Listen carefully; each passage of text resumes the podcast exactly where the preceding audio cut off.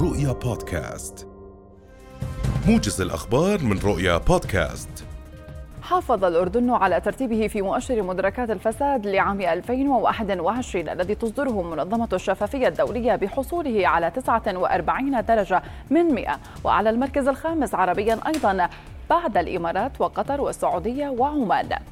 ووفق التقرير الذي صدر اليوم فإن درجة الأردن ارتفعت على مصدر الكتاب السنوي التنافسية العالمية الصادر عن معهد التنمية الإدارية تسع نقاط. وعلى مصدر استطلاع رأي التنفيذيين الصادر عن المنتدى الاقتصادي العالمي نقطة واحدة حيث يعكس هذان المصدران تجربة رجال الأعمال مع القطاع العام.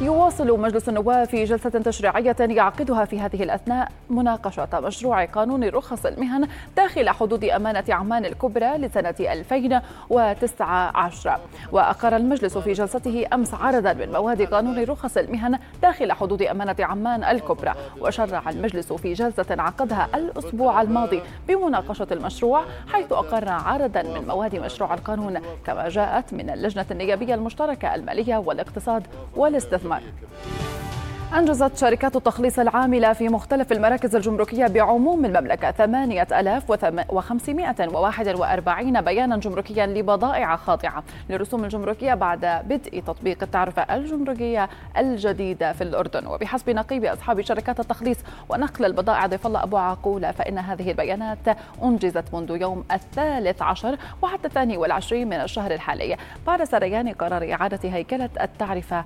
الجمركية.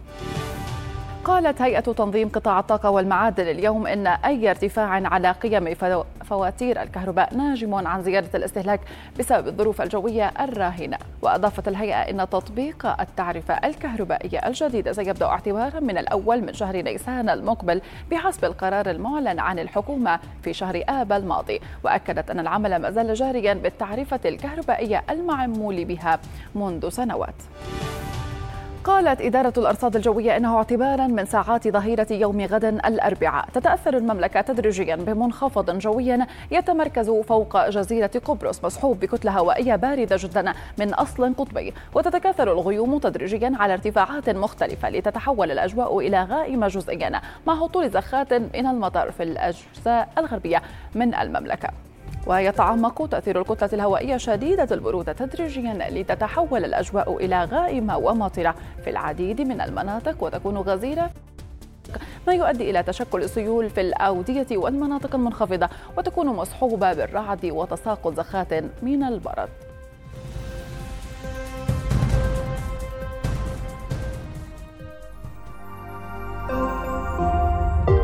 رؤيا بودكاست.